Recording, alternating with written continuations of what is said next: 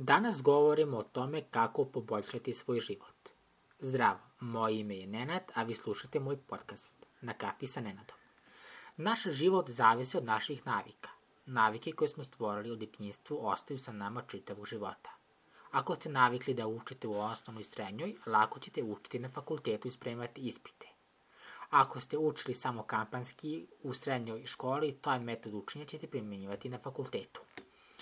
Znači, cilj je steći zdrave navike. E, sve počinje od vas samih.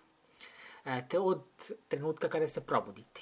Kad vam zazvoni alarm, trebalo bi da steknete naviku da odmah ustajete iz kreveta, ne biste trebali da odlažete alarm i da leškarite. Na ovaj način počet ćete da stičete disciplinu. Takođe je bitno da namestite svoj krevet ujutru, ovo je veoma lako, ali će vam više struko pomoći i reorganizovat će vaš život i pomoći će vam u sticanju zdravih navika.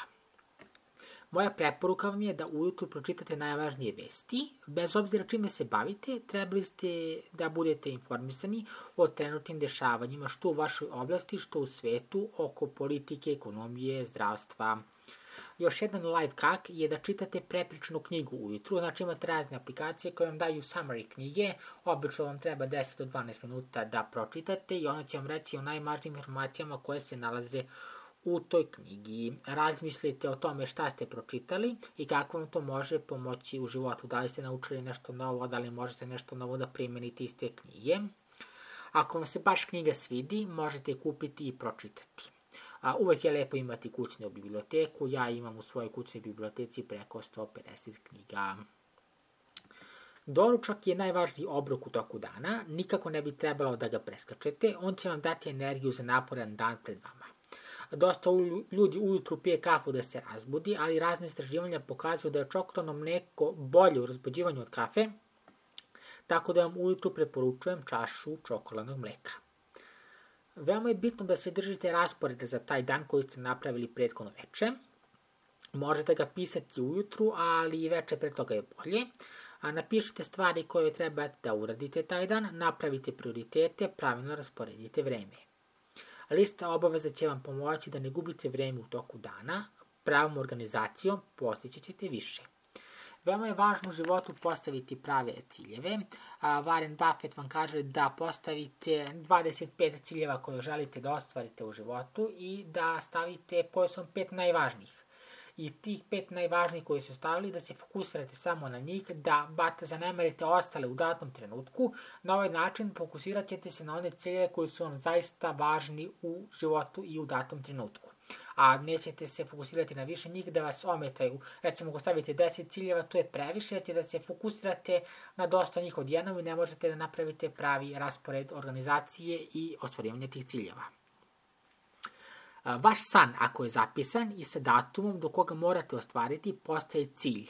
Cilj sa napisanim planom akcije postaje vaš plan rada. Ako se svakodnevno trudite i ispunjavate vaš plan rada, uspeh je neizbježan. Većina ljudi ne ume da proceni vreme koje će im biti potrebno da ostvore svoj cilj i to je u redu. Moj savjet je da radite i da se trudite duplo više nego što mislite da je potrebno. Što se više trudite i radite, imat ćete više sreće, tačno i tako će izgledati. Ali svi znamo da je to zbog rada i truda. Ciljeve koje postavljate trebaju biti realni, ostvarljivi, trebalo bi da možete da pratite napredak. Ako želite uh, a, recimo milion pratioca, krenite od cilja da prestanete svega imate 10 pratioca, pa 100 i tako dalje. Dakle, malim koracima do ostvarivanja velikog cilja. Bićete sreći kad ostvarite mali cilj i to će vam dati motivaciju da nastavite da se trudite.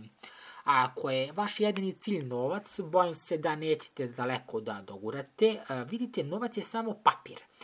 Zašto zaista želite da posjeduje novac? Bolje je da cilj stavite u vašim željama, na primjer želite da proputujete svetom. Ovo ima više smisla nego samo zaraditi novac. Novac je beskoristan, novac je samo parče papira koju ljudi koriste.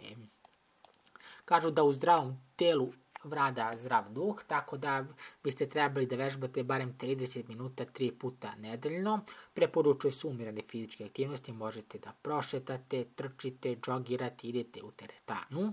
Hrana koju jedite utiče na vas, trebalo bi da izbegavate brzu hranu i da se hranite zdravo.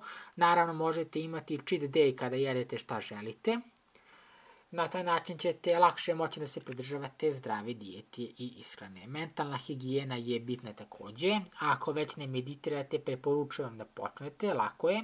Sve što trebate da uradite jeste da sednete u lotus položaj, udahnete na nos, normalno udahnete i izdešite na usta što duže možete. Znači, samo udahnete i izdahnete. Toliko je prosto, svako može to da uradi. Trebalo bi da meditirate 20 minuta dnevno. A normalno je da kad meditirate, nije cilj da nemate nikakve misli, to je nemoguće. Pomislit ćete nešto, ali samo se vratite na vaš dah, koncentričite se na dah i sve će biti u redu. To je meditacija, veoma je prosto.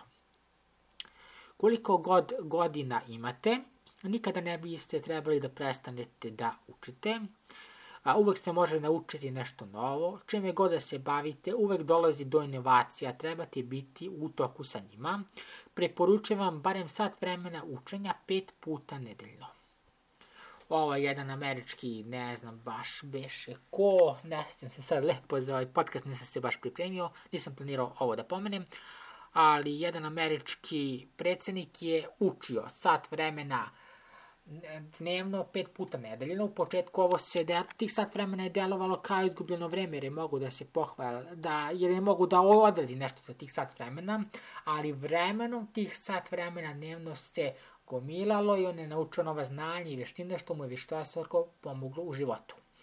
A čitanje je najbolja vežba za mozak. Deca koja čitaju 20 minuta dnevno imaju 90% uspeha na standardizovanim testovima u školama.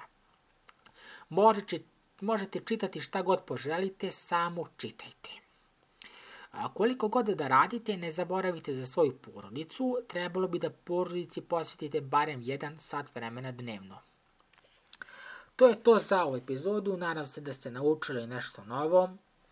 Primjenom ovih stvari koje smo pomenuli možete više struko unaprediti svoj život. To je to, hvala na pažnji, zapratite me na društvenim mrežama, Instagram neca.jovanović, TikTok Nenad piše, YouTube Nenad piše. To je to, hvala na pažnji.